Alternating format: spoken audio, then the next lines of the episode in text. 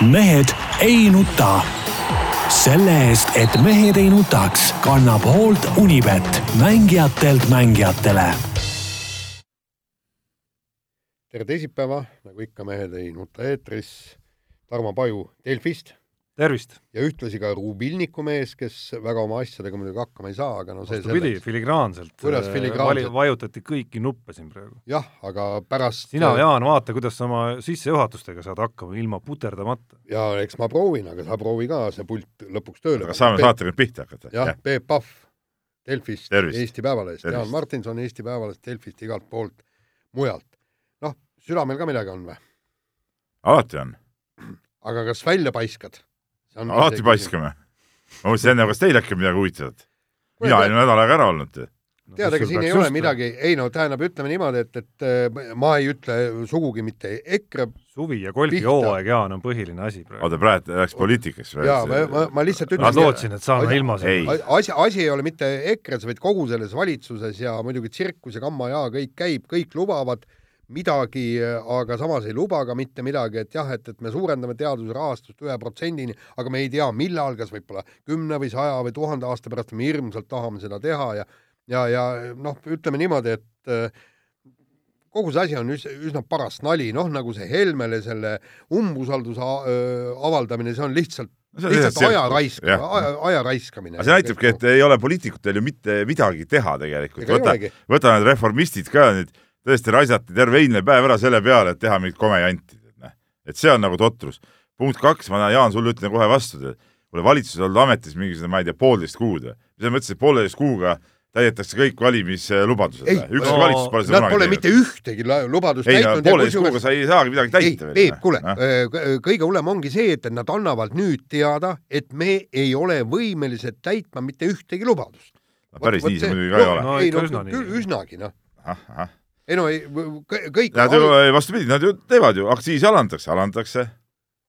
noh, see on ka ainus asi. aga kas see on, see on üks põhiasju. see ei ole põhiasi. ei no kuule, kui me, oot-oot, kui me nüüd võtame, kui me pensioni, nüüd äh, võrreldes nüüd pensionitõusu ja aktsiisilangetust, kui me nüüd siis, äh, võtame siis need nagu on nagu kuskil nendel levelitel. jaa, ei seda küll, aga kui me võtame lahti ajakirjanduse, mis on nende aktsiiside kallal saaginud äh, viimased kaks aastat, siis see oleks nagu kõige tähtsam asi, mulle on jäänud selline mulje nii, ja nüüd Kus muidugi, nüüd muidugi kõik need, kes kogu aeg rääkisid, et tuleks langetada, kaasa arvatud ka Kaja Kallas, eh, reformistid, kõik, kes eh, võtsid selle aktsiisilangetuse oma programmi, nüüd nagu jälle naeruvääristavad seda, tead, no see näitab jah täielikku silmakirjandust. Peep, ma ta-, eh, ma tahaks konkreetselt, oota, oota, oota, oota, ma räägin aktsiisile, vot, vot see on südamel, eks. et ma tahan täpselt näha, kui palju hakkab öö, maksma öö, see purk õlut või pudel õlut, mida mina joon. praegu on ruts kolmkümmend pluss äh, kümme senti äh, pakendi hind, eks, ruts nelikümmend.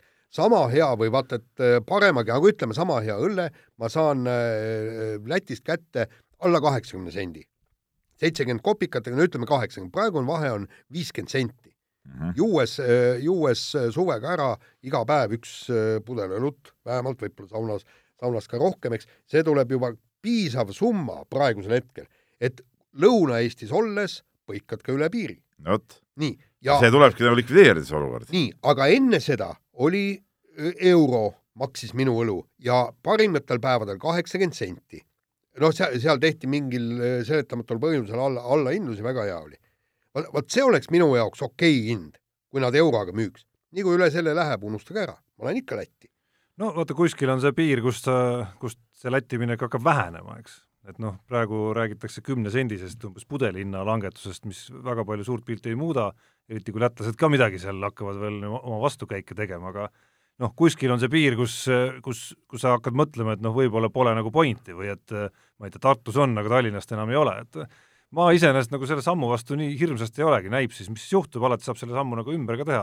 selle sammu ümber pakub mulle võib-olla isegi kõige rohkem nalja Jevgeni Ossinovski Äh, kes, äh, kes kuidagimoodi, ei mitte, vabandust, mitte selle sammu ümber, vaid äh, kogu selle, mis puudutab seda rahapuuduse teemat, mis nüüd justkui keskerakondlastele ka on tulnud mingi suure üllatusena, seal pakub mulle hirmsasti nalja Jevgeni Ossinovski, et kui te lugesite, Päevalehes oli eelmisel nädalal päris äge lugu tegelikult, mis analüüsis, et mis hetkel see, mis hetkel hakati neid riigieelarve reegleid nagu lõdvendama, paindlikumaks tegema, et oleks võimalik seda nii-öelda nagu pikemaks ajaks ka miinusesse lasta, et mismoodi Ossinovski, kes on tegelikult nagu osaline olnud selles tema valitsuse ajal, eks ole, eelmise valitsuse ajal, on nüüd ka äkki nagu ära unustanud selle.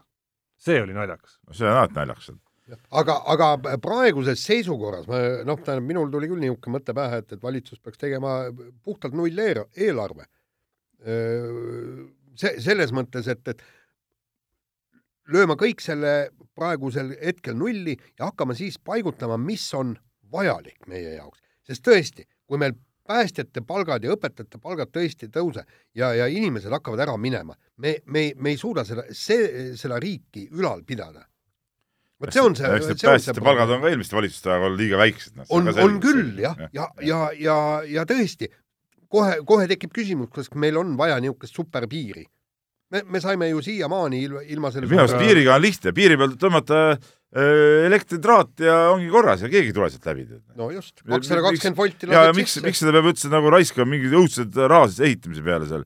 Äh, seal korralik särakas sisse ja, ja ma tahaks näha, kas sealt läbi tuleb väga, väga lihtsad lahendused on minu arust selle jaoks olemas, aga noh, ma tahaks muidugi tervitada ikkagi, et me see poliitplokk liiga pikaks ei läheks ja see ei olegi enam poliitplokk, ma tahaks ikka tervitada ikkagi Eesti äh, ütleme, ajakirjanduse lipulaev Õhtulehte ka ikkagi eilse suurepärase artikli puhul loomulikult. äh, Risto Perenson äh, uuriva ajakirjanduse, ütleme, suurkuju uuris siis välja asja, mis, mida nagu tegelikult ei olnud, et see oli nagu muidugi kõva ja, ja, ja, ja noh, näitas veel kord, et eh, Eesti ajakirjandus üldiselt on ikkagi valmis tegema ükskõik mida, peaasi, et saaks mõndasid seltsimehi või kodanikke eh, halvas valguses näidata. aga kusjuures muidugi, eh, väikselt Helmelt oli see väga hea trikk.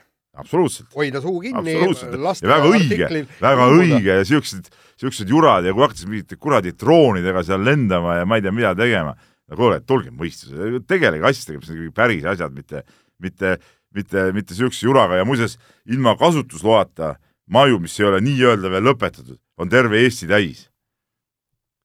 ja, ja ma, ma ütlen, et ma, ma äh, ütlen, et ka meie toimetuse, ütleme kindlasti ka meie toimetus, kui me läheme Narva maantee kolmteist Delfi toimetusse ma olen täiesti veendunud, õigemini ma saan isegi pea anda, et seal on, seal on inimesi, kellel on täpselt samas seisus ei no see ei olegi ju antud juhul teema, et kasutusloa ja ehitusloa puudumise vahe on ikka päris meeletu. et noh, sellest ma räägin, noh, et, et see on nagu täielik, täielik nali. ja noh, ehitusluba ehitusloaks, noh, jah, ma arvan, et ka ilma selleta on ehitatud küll ja ehitatakse edaspidigi tegelikult. et see, see ei ole asi, mis nagu Eesti elu kuidagi nagu halvab tegelikult, räägime ikka päris asjadest. nii no. nii jah, noh, okei okay., paras, paras äpardus oli see küll, aga ma ei ole kindel, et see nüüd on nagu sellel põhjusel, miks, miks sina seda maalid, et kuidagi nagu just nimelt ühtedele inimestele ära teha. no loomulikult. kus sa seda võtad? see on, see on näha, kuule, kuule. et kui Pevkur, et kui Hanno Pevkurist oleks see lugu olnud, siis ei oleks tehtud seda või? ma arvan küll praegu see olukorras, jah. Ma arvan, sellisel kujul kindlasti mitte. ma ei usu seda, aga, aga läheks kuigi, kuigi samasugune, kui see lugu oleks tehtud muidugi, sama taunimisväärne oleks see minu silmis samamoodi, noh. Aga ma ütlen, et et, et kindlasti see lugu ei oleks tulnud, see on absoluutselt kindel. see teema poleks üles tõusnudki no, siin... keegi poleks seda teemat üldse koputanudki. kuule, ausalt öeldes keegi ei viitsi uurida, mis seal Pevkuril on. absoluutselt, nii ongi ei okei okay,, siin ma olen eriarvamusel, aga läheks nüüd ralli juurde. nii, räägime rallist. ma sellest rallist ei taha midagi rääkida, ma olen sellest rallist nagu tüdinud no käisid eile, eile käisime siin stuudios, rääkisime oma, vaadake ralli stuudiost ära ja saame minna järgmise teema juurde. Mind, ei nii, mina tahaks natukene jätkata, et ma pärast eilset ralli stuudiot ja, ja lugedes ka tänast sinu kommentaari Eesti Päevalehes, jäin nagu natuke pikemalt mõtlema ikkagi selle, selle Hyundai trikitamise ja, ja kogu noh, tegelikult see ei ole ainult Hyundai trikitamine, sest ajaloos on neid trikitamisi olnud ju veel ja veel ja reeglite piiri peal mängimist või õigemini isegi reeglite piires mängimist. ei, kõik on reeglite piires. aga, aga võib-olla mitte kõige nagu ütleme siis nii-öelda fair play vaimus mängimist, et, et kuidas sellele nagu piir panna. mind jäi nagu närimas see osa sellest eilsest Ralli stuudiost, kus sa jube nagu kaljukindlalt ja ka tänases loos jäid nagu sinna kinni, kuidas, et hooaja keskel mitte midagi muuta ei tohi ja, ja šala-la-la-la. selles ma absoluutselt kindel. et, äh, et mina küll ei näe ühtegi põhjust, miks ei võiks juba hooaja käigus siiski mingisugused lükked ära teha, nii nagu tehti tegelikult ju varasemalt punktikatse. see oligi, see oligi viga eelmine aasta. ja minu arust ei olnud mitte mingit viga, sai see viga, probleem mees... hetkega lahendatud. ei jaa, aga üks mees ei saanud sellest kasu lõigata, teised pärast ei saanud. no aga kas me siis teeme nagu edasi võistluse, et kes suudab sellest nagu reegliaugust rohkem kasu saada hooaja lõpuni. nojah, aga no ei nojah, aga no praegult on sama asi ju, praegu sama asi ju no, ja, ja praegu, okei okay,, seda punktikatset sai veel kuidagi nagu klattida, aga praegu mina ei näe ühtegi äh, reaalselt äh, õiget võimalust, kuidas seda olukorda lõpetada. välja arvatud ma..., välja arvatud see sõitjate endi kokkulepe, mille ma välja pakkusin. ja tähendab jah, jutt käib ikka sellest, et öö, meeskonna ühed liikmed lihtsalt jäävad starti hiljaks, korjavad iga minuti kohta kümme sekundit karistust ja siis saavad rajale minna vales kohas ehk siis öö, oma esisõitjale luu-, luues paremad tingimused. ja ehk esisõitja konkurendil luues halvemaid tingimusi. no ja jutt käib natukene ka sellest äh, Ogier viimasest avaldusest, mis küll teoks ei saanud, just nagu oleks äh, Hyundai tiimi boss siis käskinud Tanis Ordol lihtsalt seista vahepeal katsel, et siis äh, Chris Meek saaks nagu tolmusemal teel sõita. nii, aga, aga Peep äh... mida ka justkui reeglid ei keela. ei keela vaata, sul on jube hea mõte, et, et sõitjad lepivad kokku, et meie no, mängime mul on null usku sellesse sinu mõttesse. jaa, tähendab, seda näitas ju, vaata, sa kirjutasid eile selle artikli ja kõik on väga tore, aga täna ju ja, ja ei, see oli eile õhtul juba tuli, kui mu artikkel oli trükki läinud, tuli see nagu Willi nii-öelda nagu uudis ja ja, ja muidugi see lõi uppi ka, kes eile rallis tulevad, vaata Jaani mingisugune mingi õudne teooria, kuidas kuidas Hyundai tiimis kõik on oma bossi vastu ja see on ju Willi jutt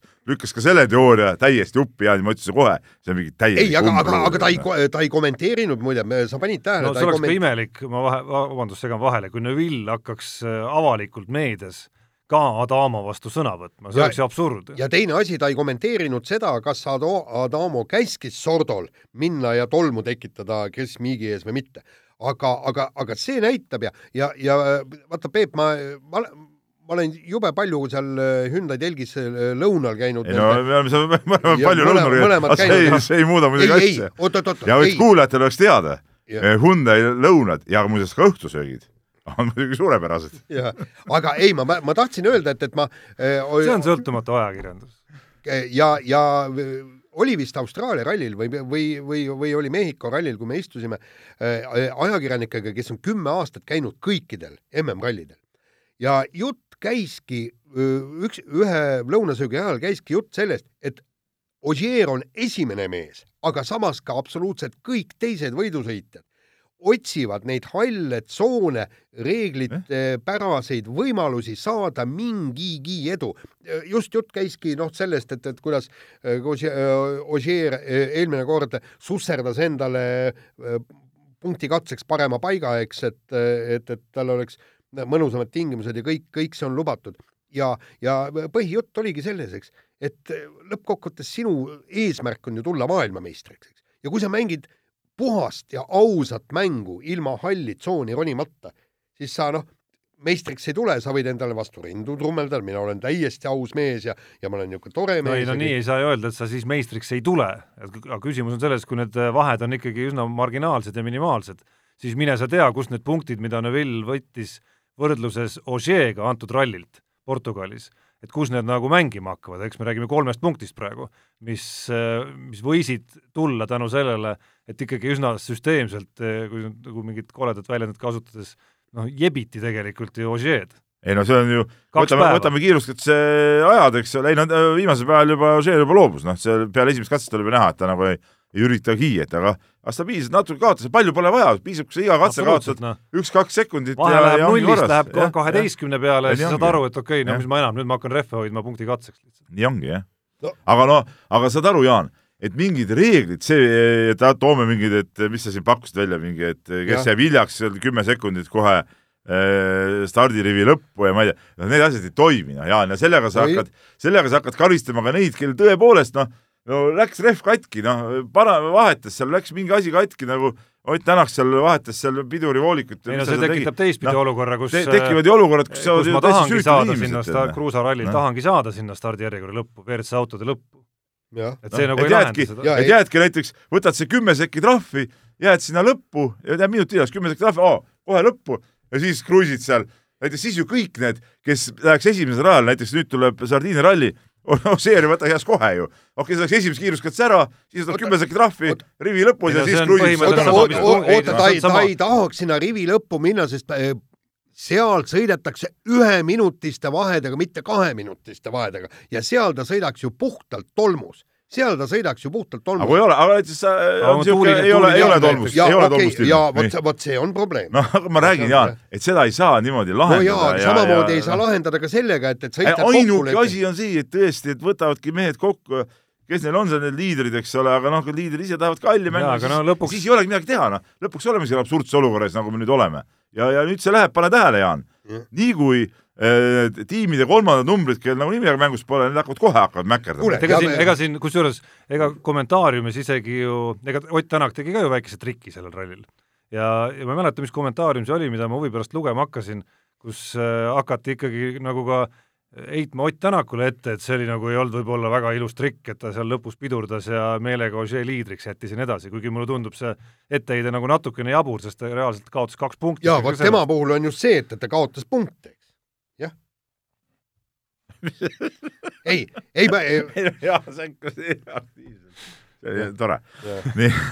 aga, aga no praegu on seis selline, et äh, kolm meest on ikkagi suures mängus sees ja, ja Thierry Neville näitas just äh, äh, selle äh, ralliga nüüd Portugalis ära, et äh, ta on punkt üks sõidumees ja punkt kaks, tal ei ole see eelmise ralli avarii ei ole mingit mõju mul avaldanud. oli alguses see kommentaaris veel eraldi need eh, punktid ka välja toodud, aga lõpus ma pidin seda nii palju kärpima, ma pidin välja, välja viskama need, need nii-öelda muud nüansid, et minu arust selle Portugali rallist, kui veel rääkida, natuke tagasi vaadata, siis selle ralli üks niisugune ütleme, märgilisemaid asju oligi lisaks sellele, et Ott Tänak sai teise võidu järjest muidugi, oligi see just see Neuvilli nii-öelda probleemideta tagasitulek, et et jah, siiamaani ju räägiti sellest ka, et noh, võib-olla tal ei ole väga hea närvisüsteem ja nii edasi, et, et kui pinge alla läheb väga sõitmine ja, ja tulemuse peale, et siis mingi hetk ta murdub ära, tead. aga nüüd nagu peale niisugust suurt ränka avariid, mis tõepoolest oli ikkagi nagu, nagu tõe, noh, tõesti nagu, nagu raske asi, eks ole. tuli tagasi, sõitis mingit eh, probleemi, et sai kohe sellest nagu üle, eks ole, et alguses võib-olla esimesed kaks paar katset oli seal, aga pärast sai sellest üle, et noh, nüüd, nüüd on ta igal juhul see, on unustatud teema, sellest pole üldse mõtet enam rääkida. jah, et ikka hoopis teist masti mees kui Chris Meek, kes nagu näha, on nüüd tõestanud juba paar rallit järjest, et, et kui vähegi pingelisem olukord, siis siis need Chris eksimused Meek, vaata, meil tuleb kirjade rubriigis ka üks kiri, me pärast võtame selle ka veel korraks ette. ja, ja, ja muidugi üks väike teema oli ikkagi või või vaata, et isegi suur teema oli, oli Portugali rallil oli see Toyota järjekordne lagunemine, et, et noh, nagu me oleme siin öelnud, et et kogu aeg äh, süda põksub, et kas juhtub midagi või, või mitte, nüüd olid siis amo- amordid läksid, pidurid kadusid äh, Tänakul ja, ja noh, nagu ma Ralli stuudios ka ütlesin, et, et see, kui palju on sellel hooajal olnud, kui see Tommy Mäkinen laiutab käsi, ütleb, et jah, me ei tea, kust see probleem tekkis, me peame nüüd äh, midagi tegema, et seda probleemi tul- tulevikus ei ole ja neid on ju nii no, palju. no see pidurite kadumine, sellega on muidugi nii, et ega need pidurid niisama ära ei kadunud, et, et eh, nii palju on oota, aga mitu nii- korda nii palju- seda juhtunud nii ju. palju, kui mina eh, tean, siis lihtsalt eh, pidurivooliku purunemine oli seal. just, aga pidurid kadusid ära ka ju Argentiina rallil minu teada. jah, nojah, et kas siis oli sama asi? Ei tea. vot ei tea, kas on sama Jah. asi, aga, aga nendega, ega, nendega ega see asi on ka, et ega need eh, sõitjad ja tiimid nendest detailidest ise rääkida väga ei taha et, et ja no ja Ja mis on ka loogiline, mida- mida ei saagi rääkida. ralliautodel siiski nagu universaalselt kõigiga, sõltumata sellest, kas sa oled Toyota või Hyundai. ei, seda muidugi. jah, aga, aga nüüd äh, kü- küllaltki palju on kõik selles kinni, et kuidas Toyota vastu. Jaan, ma saan aru, Jaani mure selle auto vastupidavuse pärast on see, et eh, oma ajaloolise Toyota nüüd müüs saja euro eest maha, eks ole, sada viiskümmend. sada viiskümmend isegi koguni, tõepoolest, ma tahaks näha seda, seda inimest, kes see saja viiekümne eest nagu endale sai, aga Jaani uus auto on taas Toyota, et, et eh, ma saan aru, Jaani mure on lihtsalt see, et ega talle äkki pidurid ära, kuule, stopp. ära ei kao või mida iganes see, see, see vana Toyota, mille pärast ma teda nii kaua hoidsingi, oligi see, et, et sellega ei juhtunud mitte kui midagi. absoluutselt, sinna ainult õli sisse, bensiini sisse ja sõida. aga Jaan, aga need on ka uued Toyotad, mis praegu ralliraja peal sõidavad, nii et selles suhtes Jaan, ma saan aru aga murest õnneks mul ei ole Yaris. ma su murest saan aru, mina saan näiteks Fordiga, eks ole, Fordil mitte mingit muret ei ole. kruiisivad, no väga kiiresti Evans ja sunnini ei sõida, aga, aga no kus sa ikka ruttad. aga praegu ikkagi ma mõtlen, et, et see, see eelmine, see vana päts, see oli ikkagi niisugune iseloomuga auto, ta oli, ta, ta oli ikkagi noh, nagu praegu on noh, nagu kuule ära jama, ma olen ka sõitnud, mul on ka elus Toyota Corolla. see täpselt sama, aga rohelist värvi oli. ei, mul oli vanem mudel natuke. See oli natuke vanem natuke vanem, aga öelda, et see oli nüüd kõva iseloomuga auto, oli. ära Jaan, Ei, oli, ei, oli, ei, oli, no sul, oli. meil on auto iseloomust ilmselt väga kardinaalselt ei, erinevad arusaamad. aga ei, see oli väga hea auto. ei no autod on ju naisterahvad, et nii palju kui on autosid, nii palju on ka iseloomusid. No nii. no nii, kõlli. panen kõlli. jätkame kiire vahemänguga ja võtame alustuseks kergejõustiku ja Magnus Kirdi, kes Tartus laksis taas kord korraliku odakaare, kaheksakümmend seitse meetrit kopikatega, aga, aga probleem on tal, et noh, ütleme niimoodi, et, et pisivead tervises nagu tal on ikka, siit on pinges ja sealt valutab ja ja tal on ju väga hea füsioterapeut Indrek Tustit, kes paraku ei saa kogu aeg tema juures olla, sellepärast et aeg-ajalt käib ta tennisist Anett Kontaveiti ja siis seda Ameerika tennisepaari abistamas ja, ja, ja, ja see on probleem. see on probleem, probleem tuleb sellest, et ega neid häid tippspetsialiste võib-olla Eestis on vähe ja, ja ega, ega Tutsit pole ainuke selline mees, kes eh, mitmut nii-öelda jumalat teenib, et et võtame Ott Tänaku abil isegi, eks ole, samamoodi Anett Kontaveidi juures peab käima ja, ja võrkpallureid ja, ja igast asju, et, et noh, et see on, et, et kui sa oled hea mees, siis siis sa paratamatult äh, oledki nõutud ja, ja, ja sellega tuleb leppida, et kui sa tahad teda kasutada, siis no ma ei tea, maksa nii üle siis, et mees ei peaks kuskil käima, aga see on ka ebareaalne. jaa, aga, aga, aga samas siin tekib järgmine küsimus et ma kujutan ette, et äh, need tippfüsioterapeudid, kes Eestis on, äh, Tustid no, Tarmo Tiits, kes ma rääkisin, tema on üldfüüsilise treeneriks, äh, rohkem ennast peab ja kõik, et need, et neil on tööd küll ja veel ja ma kujutan ette, et nad on väga hästi tasustatud.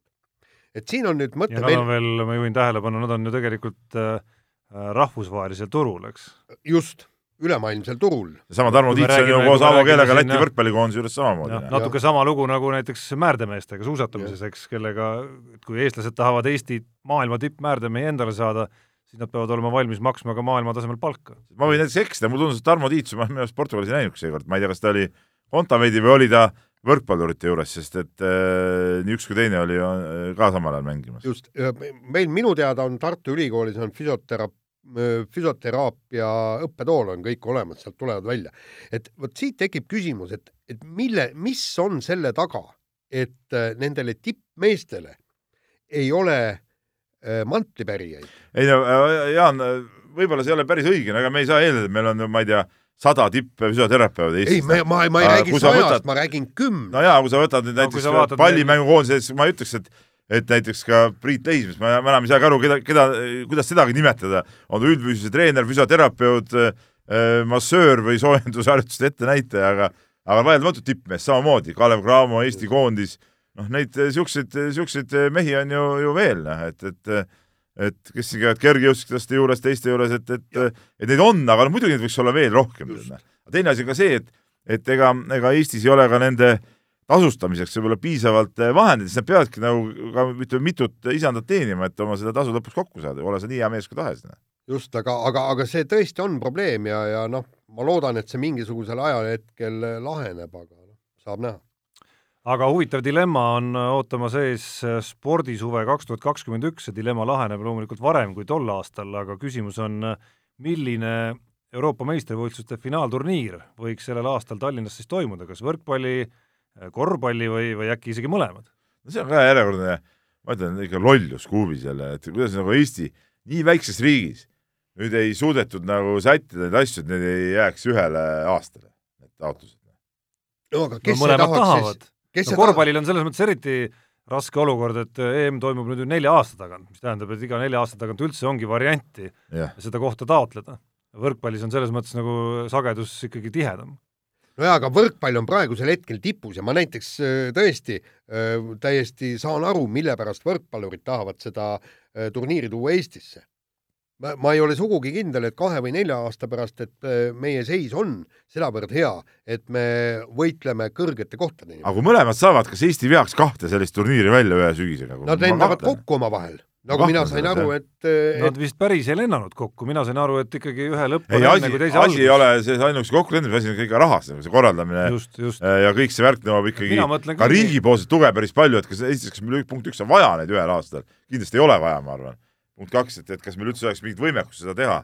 Ühel aastal, ma ka, kahtlen selles, noh, võib-olla kuidagi saaks tehtud, aga kindlasti see ei ole kõige mõistlikum variant. ja teine asi on ka publikut vaadata, selge see, et need piletid ei ole odavad mis turule paisatakse. Ja kas publikul on raha ja aega ja tahtmist nii palju, et, et panna sisuliselt kaks nädalat, kaks pool nädalat, kolm nädalat järjest noh, käia vaatamas tipptasemel äh, sporti, jah, jah nii, aga tipptasemel spordiga on mõnes mõttes äh, asjad ühel pool, aga teises mõttes asjad lähevad edasi, Janar Taltsil, meie korvpallikoondise, ma ütleks, julgeks küll öelda, legendaarsel mängumehel, kes siis äh, kõigepealt äh, sel hooajal lõpetas koondise karjääri ja nüüd lõpetas ka siis üldse mängikarjääri. Väga,, väga tore mees ja mul on nagu ausalt väga hea meel, et ta otsustas minna tagasi Tartusse, kus ta viimased aastad päris kaua mängis enne seda, kui ta nüüd üheksa aastast Tallinnasse tuli. ja kus ta vist jõudis kodu ka ikkagi. jõudis ka minu arust kodu, kodu sisse seada endale ja kõik,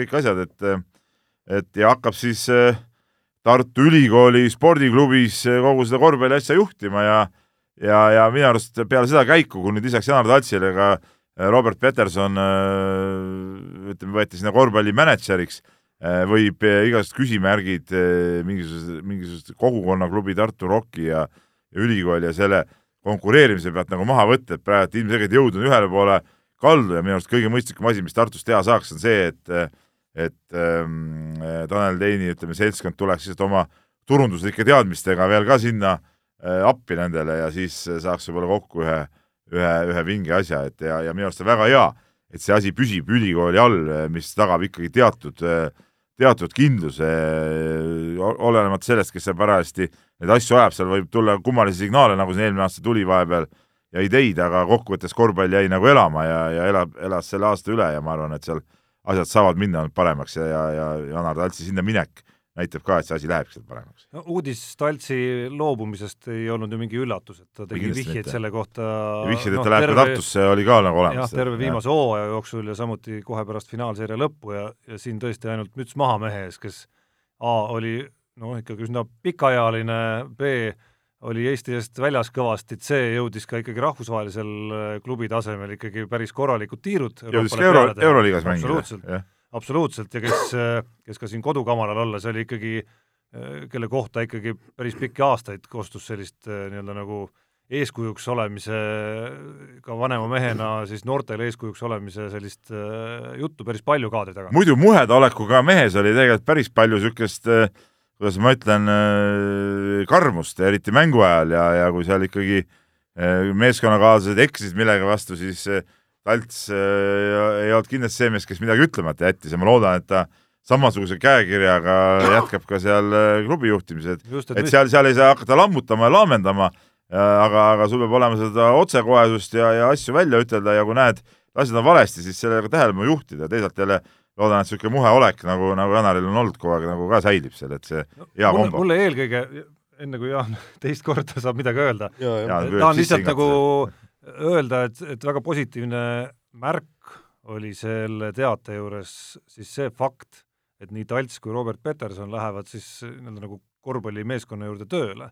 see nagu faktina, isegi jättes välja, et need nimed on Talts ja Peterson, et, et seal nüüd on kaks inimest juures vist varasema ühe asemel. ja no see Raigo Hämelane lõpetab nüüd. just, et, et noh, see on vähemalt signaalina sisendab mingisugust optimismi, et, et need jutud, mida siin vahepeal juba räägiti, et äkki Euroopasse eurosarja jälle minna mängima, mis tähendaks ikkagi, et see eeldab ka kõvemat eelarvet ja nii edasi, et, et mulle tundub hetkel isegi, et mul on väike lootus, et, et Tartu hakkab jällegi tõusma. jaa, ei absoluutselt. just nagu esindu-, esindusmeeskonna tasemel. vaata, siin tekibki mul seesama küsimus. kes see juhib tegelikult kogu seda korvpallidivisjoni ja korvpallimeeskonda?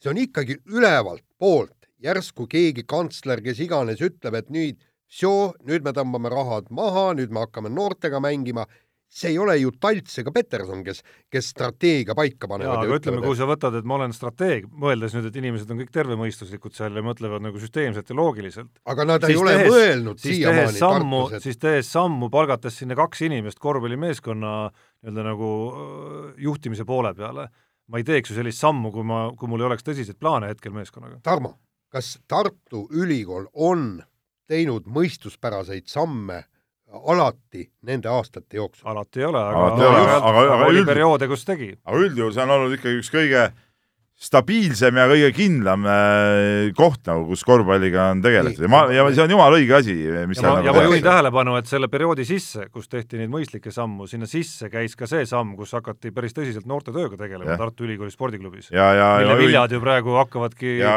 kätte jõudma. lisaks äh, juhib ju tervet Tartu Ülikooli spordiklubi tegelikult äh, Gerd Prants, kes on ise ka noortetreener seal Tartu korvpallis just kogu aeg olnud ja väga no mina Kerti ka tunnen, oleme kokku puutunud noortemängudel ja asjadel, no väga mõistlik mees, väga no, mõistlik annaks, mees, mul ei ole nagu ühtegi, ühtegi kahtluse kübet ka, et see asi ei ole seal õigetes kätes. annaks jumal. nii, võtame järgmise teema ja räägime Tanel Kangertist, kes sai Itaalia velotuuril ehk Girol kaheksateistkümnenda koha. mees läks esikümne kohta püüdma. tervisega väiksed probleemid või tähendab, mitte isegi tervisega, vaid, vaid tal füsioloogiliselt väiksed probleemid, nagu ta ütles, et kas ta kohati pingutas liiga palju või, või siis äh, vale toitumine, kõik. paar-kolm päeva läksid nässu ja, ja sealt ta tuli ikka kolinal, ta oli väga, väga optimistlik seis oli, oli. oli üksteist juba. üksteist võib-olla, jah. üksteist oli ja, ja kõik ja nagu ta ise ütles, et äh, mõned äh, taktikalised vead ja kõik ja tähendab noh, kui ta neid minuteid, kaotusminuteid, mis ei tulnud füsioloogiast Äh, mulle ette luges, siis ta olekski üheteistkümnendaks, kaheteistkümnendaks tulnud, mis, mis teda ei rahuldanud eriti, aga mis ta ütles, et plussi poole peale saab kanda see, et ta oli etappidel võimeline mahtuma esikümnesse, kaks kuuendat kohta ja, ja ütleme, ütleme niimoodi, et, et ta nägi ikkagi seda, et ta on eda, edasi arenenud ja ütles, et selle Giro pealt on selge, et suurtuuril esikümne koht on võimalik, mis tähendab seda, et varem või hiljem ta läheb seda ikkagi eh, taas hankima. ja kiire vahemängu lõpetame rahvusvahelisel eh, lainel, ehk siis eh, tuleb välja, et Rocki film ei olnudki nii ulmeline midagi, ka päriselus juhtub selliseid asju, et profiboksi raskekaalu, ütleme siis just nagu täielik kunn, kaotab ootamatult tiitlimatši, ehk siis Anthony Joshua jäi ootamatult alla Andy Ruizile. no ütleme, Ruiz on ka poksja, ta ei, ta, ta ei ole suvaline amatöör. okei okay,, ta päris Rocky Balboa ei olnud kuskilt. on ka poks, aga elab muidugi valitsuse maailmameistri kohta oli nagu päris kummaline. aga ja. siiski, siiski oli see ikka päris kõva šokk poksimaailmas. tähendab, kui, kui keegi seda matši ta oli asenduspoks üldse, kui ma olen aru saanud. just, ja, ja kui, kui keegi, keegi noh, hakkad seda ülekannet vaatama, siis üks on niisugune no, see on ka nagu Rocki filmis.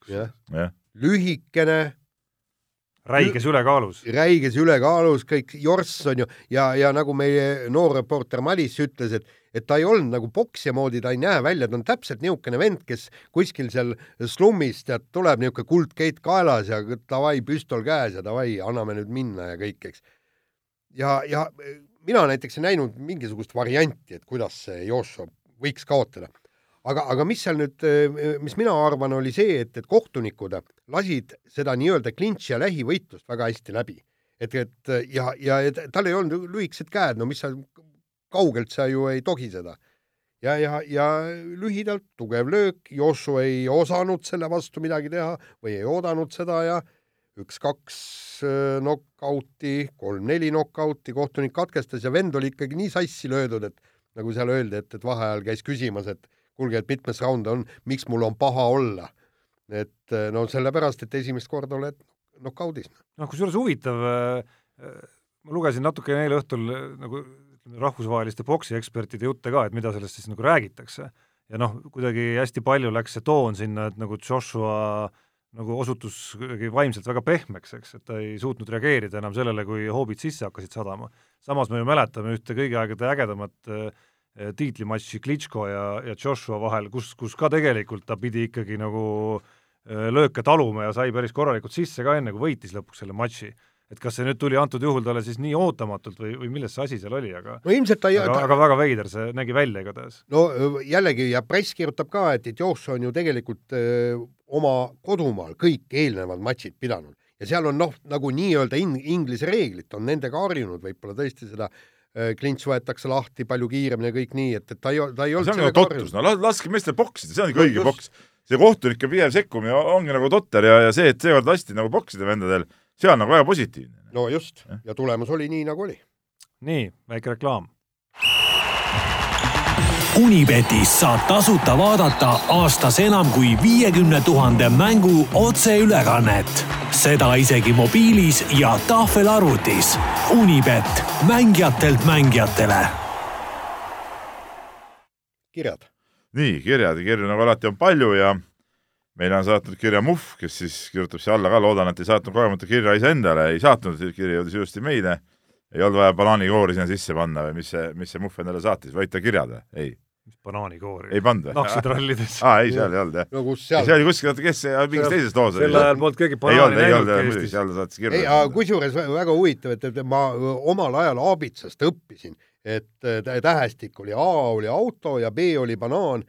Ja, ja kusjuures keegi meil ei olnud eh, seda söönud ja küsisime siis õpetajalt, et banaan, et mis asi see on, siis ütleb, aa, see on ahvitoit, et eh, loomaaias ahvidele antakse. no mina lapsepõlvest mäletan eredalt ikkagi neid esimesi kordi, kus Aruküla poodi ikkagi noh, kord aastas tekkisid need banaanid ja, ja veel eredamalt mäletan muidugi neid päevi suvel, kus tuli, tuli jäätis, kus tuli jäätis poodi suvel ja see sõna suust suhu käis kuidagi mööda laste suid siis eelkõige ja kuidas siis ikkagi padavai kõik, kõik see mees ja kõik see tüdruk olid kohal seal poes ja, ja see oli ikka suur päev. see oli see lahtine vahvlijäätis, jah? ei, see oli pigem vist ikkagi see pulgajäätis. aa ei, meil oli jah, meil ikka käis mingi niisugune regatilaadne asi. jah, jah. nii, aga lähme kirjade juurde ja ja kirjad on siis järgmised, et äh, Muhv siis küsib kõigepealt äh, kiidab mind, eks ole, et kõigepealt Peep Kaua saavad Otti üksi võidule tassida eks Otil ja Martinil ole ka väike roll, aga põhikoormus on ikkagi sinu õlul. vastab, vastab muidugi tõele, sest ega Jaanist ei ole ju mitte mingisugust abi olnud. ega ei ole see aasta olnud nagu, jah. Iseenesest see plaan on nagu hästi ju, ju välja joonistatud, eks aasta viimane ralli on nüüd Austraaliasse läheb, kes? no keset korvpallihooaega läheb kindlasti Jaan. ai, ai, see on võib-olla halb. no et... mul on juba kaks välissõitu selja taga, pikka sõitu. muidu, muidu saaks nagu et... niimoodi hoida nagu pinget lõpuni välja, vaata et praegu nüüd Sardiiniaga loodetavasti Peep aitab siis nagu jälle eduseisu sisse võtta Otil siis saab Jaan minna, kes eh, noh ei, ei, me oleme ka Soome. no Soome ka, siis saab edu kasvatada siis saab Jaan nagu selle kõik maha mängida ja noh, ideaal oleks, kui see läheks Austraaliasse ka ja siis kaotusseisust veel, mitte liidri kohalt viimasele rallile minnes. saad vormistada see, selle asja ära. aga halb on see, et, et kõik viimased rallid on praegusel hetkel minu peal, nii et, et seal ja, nagu peale, peale Türgit äh, tuleb nagu Jaani pikem seeria nagu, sest et et sa pead kolmekümne ühe punktise edu ikkagi viimaseks ralliks kätte andma. jah, just. sest et äh, elus on ikka nagu tähtsaid asju ka ja tähtis on see, et täna näiteks muuseas eh, on Keila korvpallikooli hooaja lõpupidu ja juba ütleme siis no juulist juba lähevad nagu päris treeningud lahti. eile sai siin räägitud, osad mehed saavad individuaaltrenne juba ja nii edasi, nii et, et see on nagu õige asi ja siis juba, kui see rallimehed seal puterdavad oma asju, ammu hooaeg käib ja see on tähtis. nii, aga nüüd lähme nagu päris küsimuse juurde ka, et eh, Tarmo, sinu jaoks küsitakse, kas Toronto suudab finaalseerias Golden State'ile äh, Äh, suudab Golden State'i kokkuvõttes alistada. Üks-üks on seis, eks ole? üks-üks on seis jah, eile õhtul äh, natukene vaatasin järele seda teist kohtumist, eriti seda võtmeperioodi kolmandal veerandajal.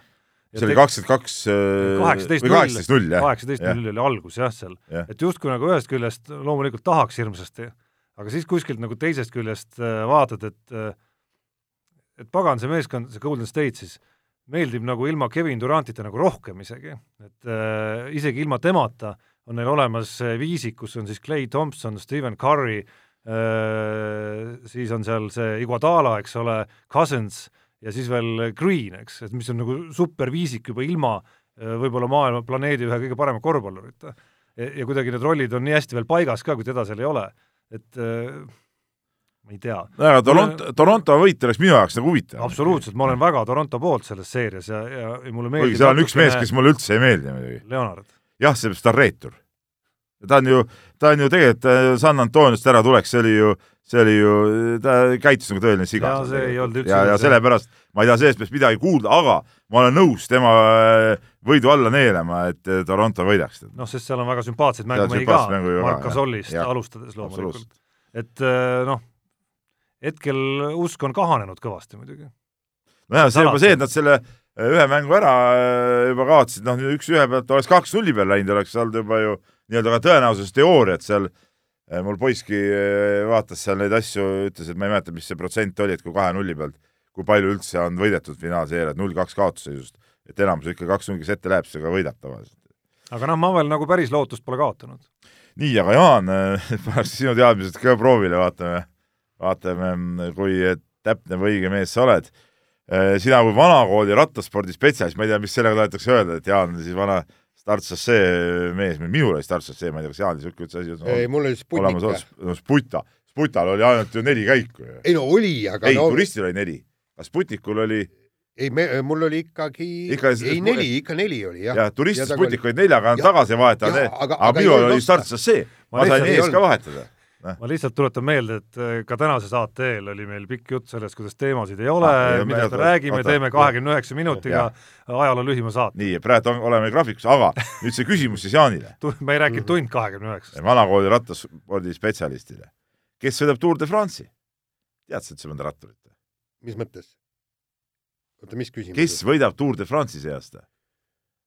Äh, ütleme niimoodi, et et ma ei ole tõesti, ma ei ole nimekirju vaadanud ja ega ma ei teagi, kas need nimekirjad on äh, välja tulnud, et ootame siin, näiteks ei tea isegi seda, kas Talen Kangert sealt sõidab, eks. püha ma, meie no,. No, see nüüd ei puuduta Jaa, seda küsimust no,. ei, Kangerti puudumise taha sa ilmselt ei saa pugeda. kes on suur soosik? ei, äh, ma, ma ei ole tõesti seda praegu veel uurinud, ma ei tea, kes sõidavad, vaatan nimekirjad üle ja siis äh, avaldan oma arvamuse. Muhv tahab panustada, seepärast tal on need äh, vihjed hästi ma ei tea, Kihlve kontoris meie, meie toetaja Unibeti omas on täitsa olemas Tour de France'i äh, ütleme, ütleme siis lihtsalt äh, ära, kes siis kõige väiksema koefitsiendiga no, Chris Froome. Chris Froome, jah.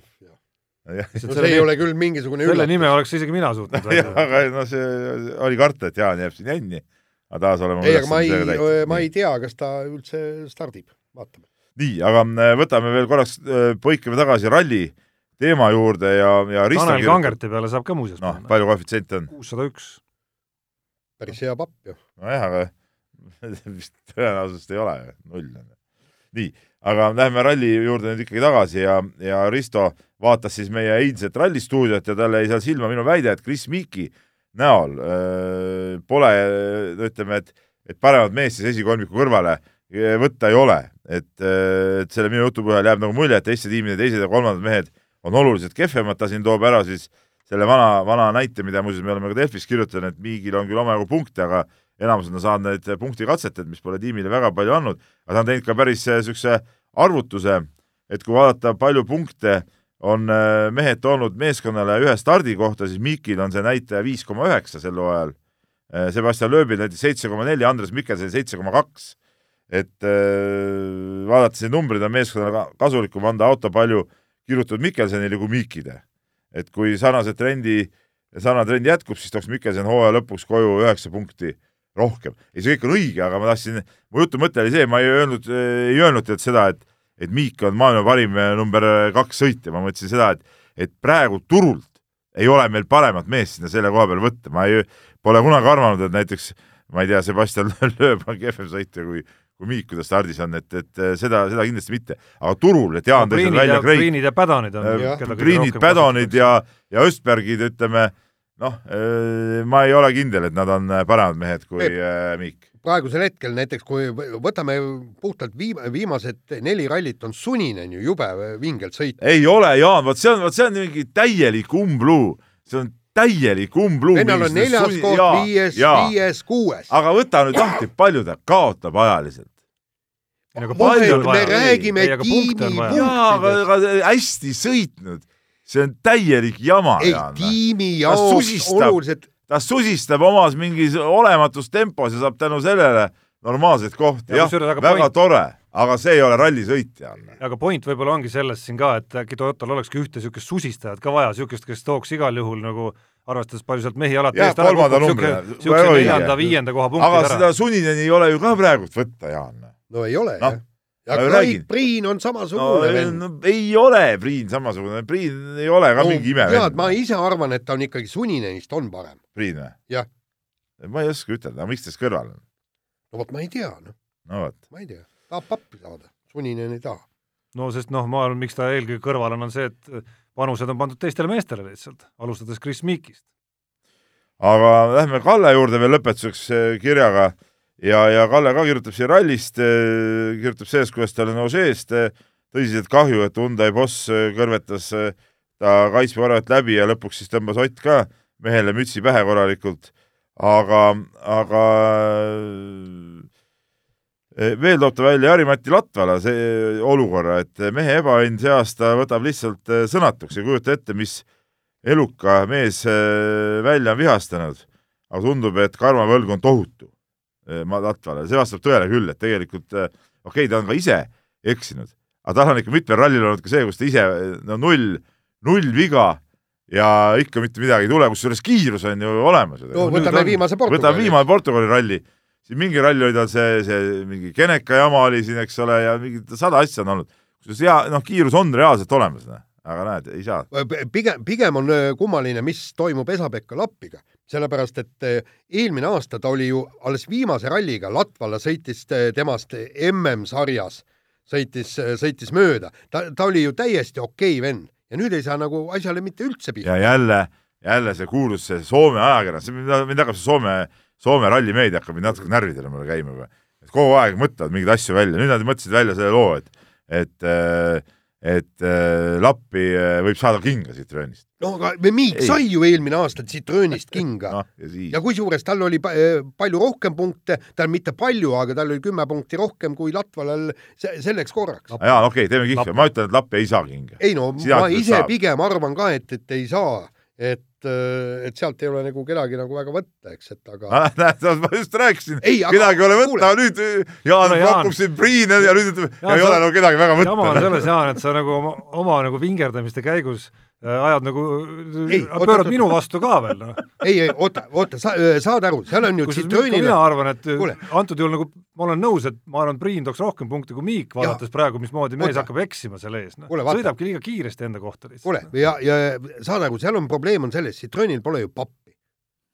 miks nad läksid kahe autoga välja no.? just sellepärast. ja nad peaksid ikkagi selle kogu palga Lapile ju välja maksma ja siis veel palkama järgmise mehe, neil ei ole raha aga, aga siis on mõtet on ju teha ka sellist uudist siis, noh. no aga mine sa tea, äkki mine sa tea, no, no, no jah no.. no kuule, uudist ei hästi klikke. no nii, ei, ma saan aru, nii, aga lähme nüüd äh, Lähme nüüd siis uuest teemade juurde edasi. kui juba on... kihlpidudest jutt oli, siis jah. meie toetaja Unibeti rubriik ka, ma ei tea, kuidas teil eelmisel nädalal läks, ma, ma sellele eripanusele ei pannud panust. Portugalis olles jälle, jälle jäi mul vahele see nädal. ehk siis Ott Tänaku võidule ei Mina pannud, oma arust mõtlesin välja hoopis geniaalse, geniaalse alternatiivpanuse, aga ja, ja kusjuures jõudsin hetkeks mõelda isegi, et küll ma olen ikka kõva spetsialist, kuni selle hetkeni, mil äh, ta, Taani Sordo ja Hyundai masin seisma jäi ja tema ralli läbi sai reedesel päeval. ehk siis ma panin selle peale, et Sordo jõuab esikolmikusse. jaa, ei Sordo, Sordot seal oli neli koma null oli koefitsient sellel ja tundus väga hea panus.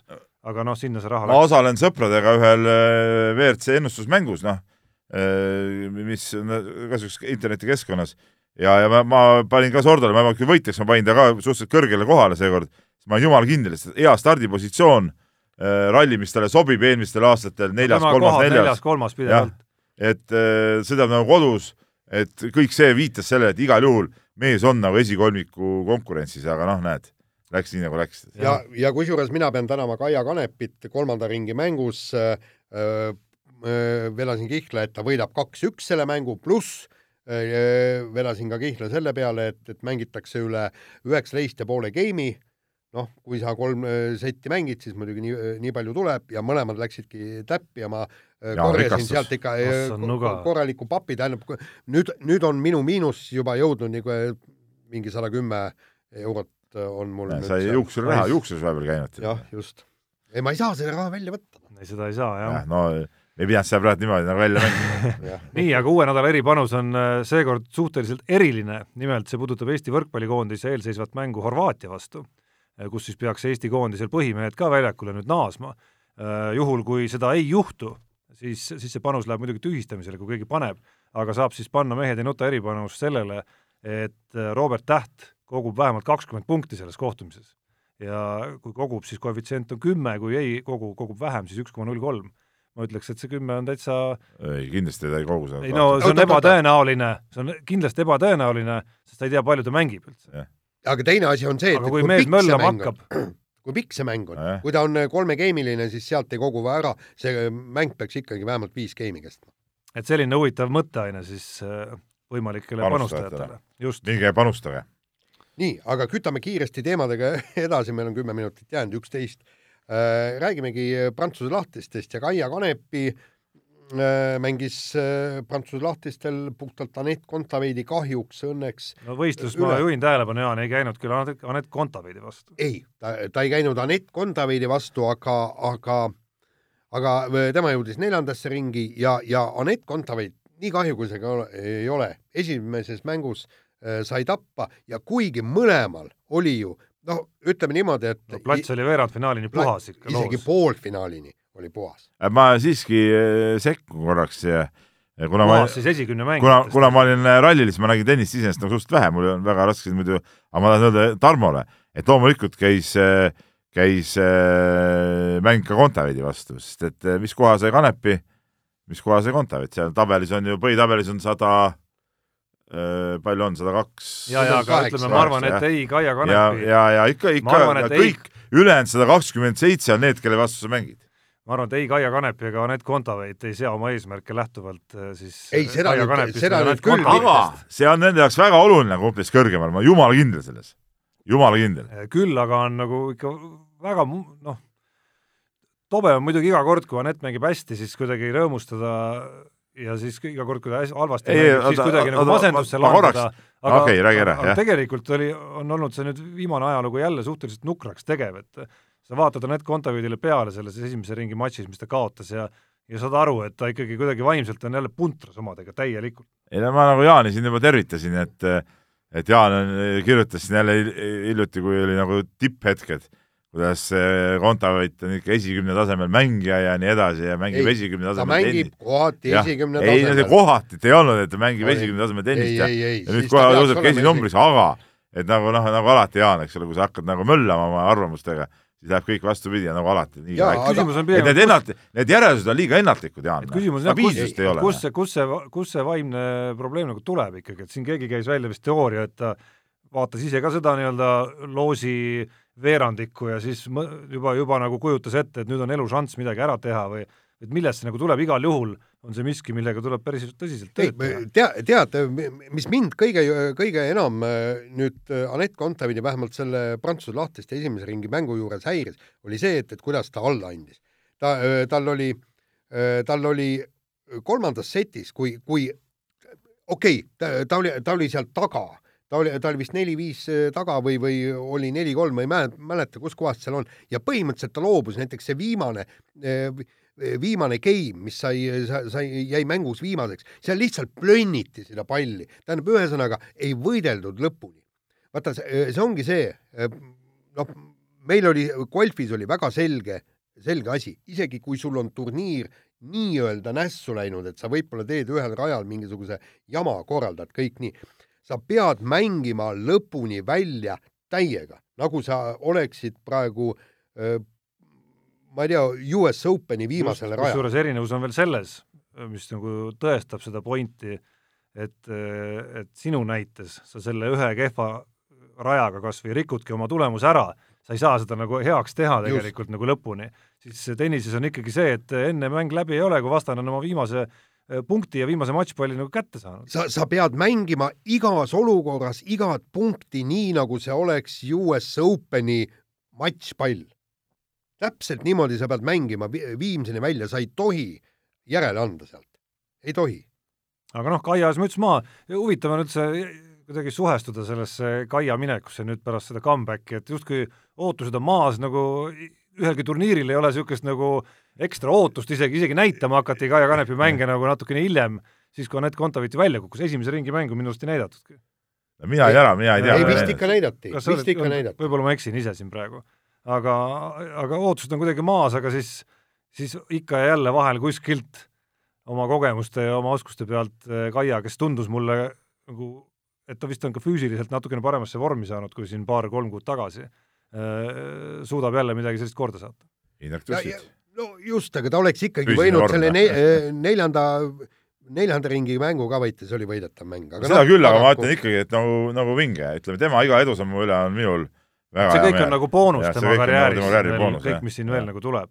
Äh, kiirelt äh, kapame edasi, äh, Liverpool, jalgpallimeistrite liiga tšempion. no vaatasin seda mängu seal olles siis äh, Portugalis, vaatasin Kalev Kruusi kommentaaridega läbi, läbi kompuutri, eks ole, loobusin isegi suurest telekast Portugali kommentaaridega vaatamist, aga noh, see oli igavuse tipp oli see mäng minu arust, ütleme, kui jätta nüüd kõrvale see, ütleme see lõpu mingi viimased võib-olla kakskümmend minutit, siis ma tunnistan ausalt, ma, ma seda esimest väravat ei näinud, ma just siis äh, lõpetasin töö tegemist ja hakkasin sõitma hotelli, et hakata seal vaatama. Ja ma penaltit, no ma pärast äh, nägin, eks ole, mis seal oli, aga aga see mäng oli ikkagi minu jaoks tohutu pettumus ja mul nagu ei tekkinud seda tihtipeale, okei okay,, mulle meeldivad niisugused äh, tihked mängud ja, finaal on finaal ja mingi sihuke, aga võib-olla see tuligi sellest, et ma olin seal rallis nagu teisel lainel natuke, et mul nagu ei tekkinud seekord seda siukest äh, üldse suure finaali tunnet ja ka seda vaadates ei tekkinud seda tead no,. ja, ja kusjuures ei tekkinud kellelgi. eelmistes faasides oli oluliselt haaravamaid mänge, olgem ausad.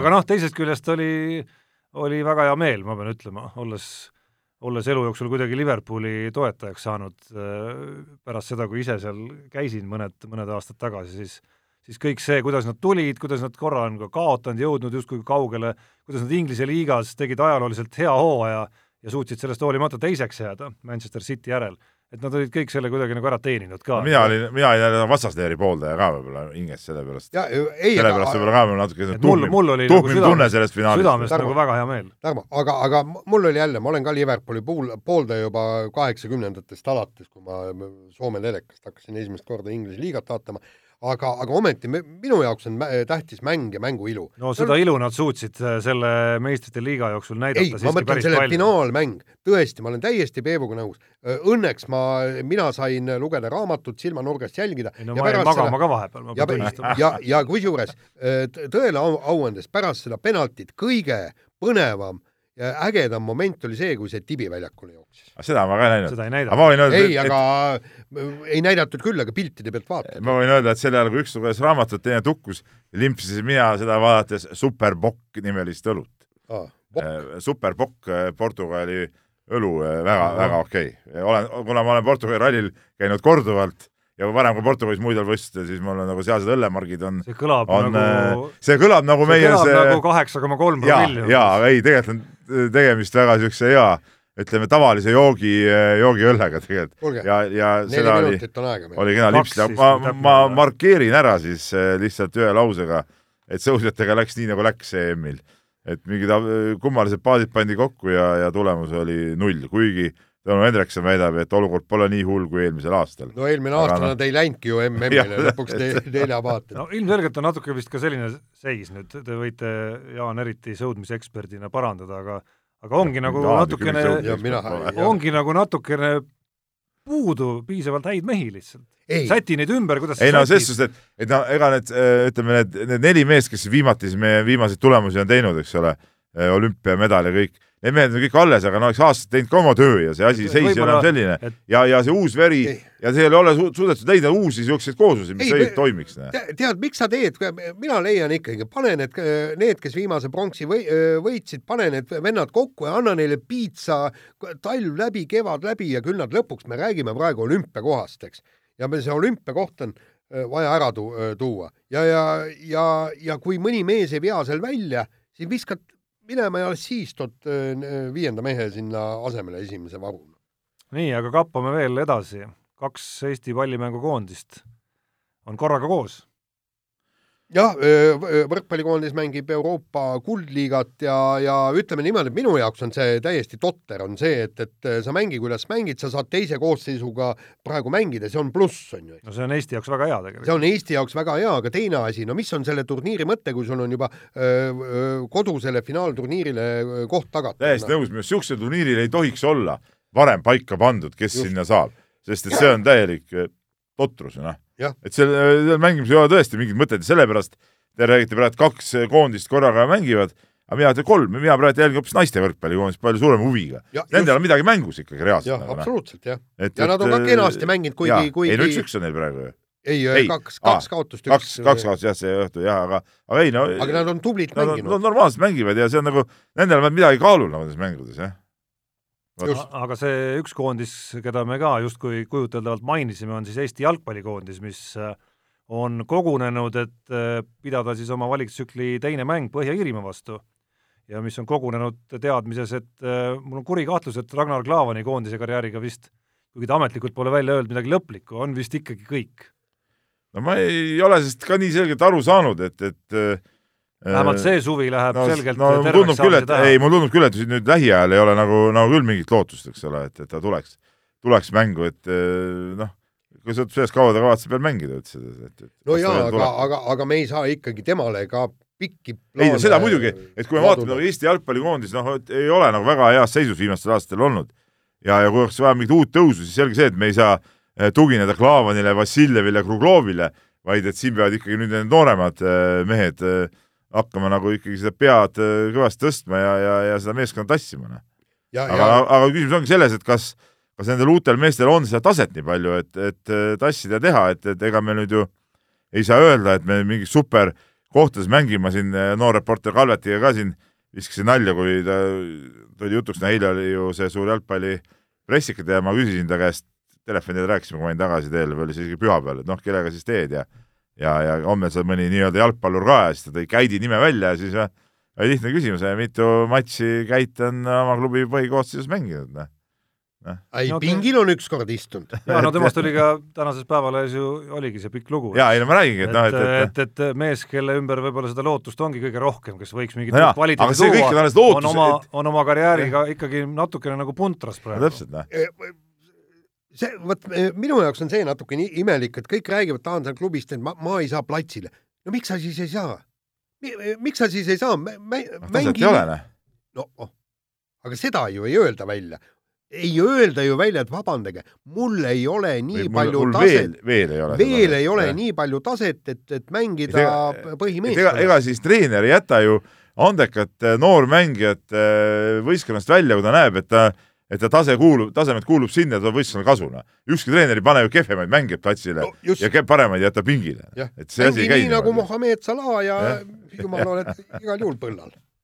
aga nii ongi. nii, sellega on meil saade lõppenud ja kuulake mind järgmine teisipäev, aga aga vist, ma, ma pean vaatama, mis kell ma teisipäeval lendu lähen, kas me saame teha otsesaate või oleme esmaspäeva õhtusel ära miks pagan need rallid toimuvad niisugustes pärapõrgutes nagu teiseks, teiseks me elame ka ei, ei, Euroopa lennuühenduste ja, ja, ja, ja kolmandaks ma tahan öelda, et need rallinädalad on ka kandunud kõvasti pikemaks kui vanasti, juba asi hakkab sellest pihta, et kolmapäeval on need tiimimeedia kohtumised ja sa pead kolmapäeva pärastlõunal sisuliselt olema juba kohal. et sul ei ole nagu muud varianti. selleks, et olla siis eh, kolmapäeva pärastlõunal kohal, sa pead tihtipeale siit, ütleme, kolmapäeva hommikul startidesse ei jõua kohale, pead teisipäeva õhtuks minema juba. absurdne, me elame Euroopas ja selleks, et jõuda Euroopa isegi mitte teise otsa, vaid poole peale, sa pead päev varem startima hakkama. ei ole midagi, elate üle, loeme saate lõppenuks ja kohtume mis iganes moel siis eh, ühe nädala pärast mehed ei nuta. Saate tõi sinuni Unibet, mängijatelt mängijatele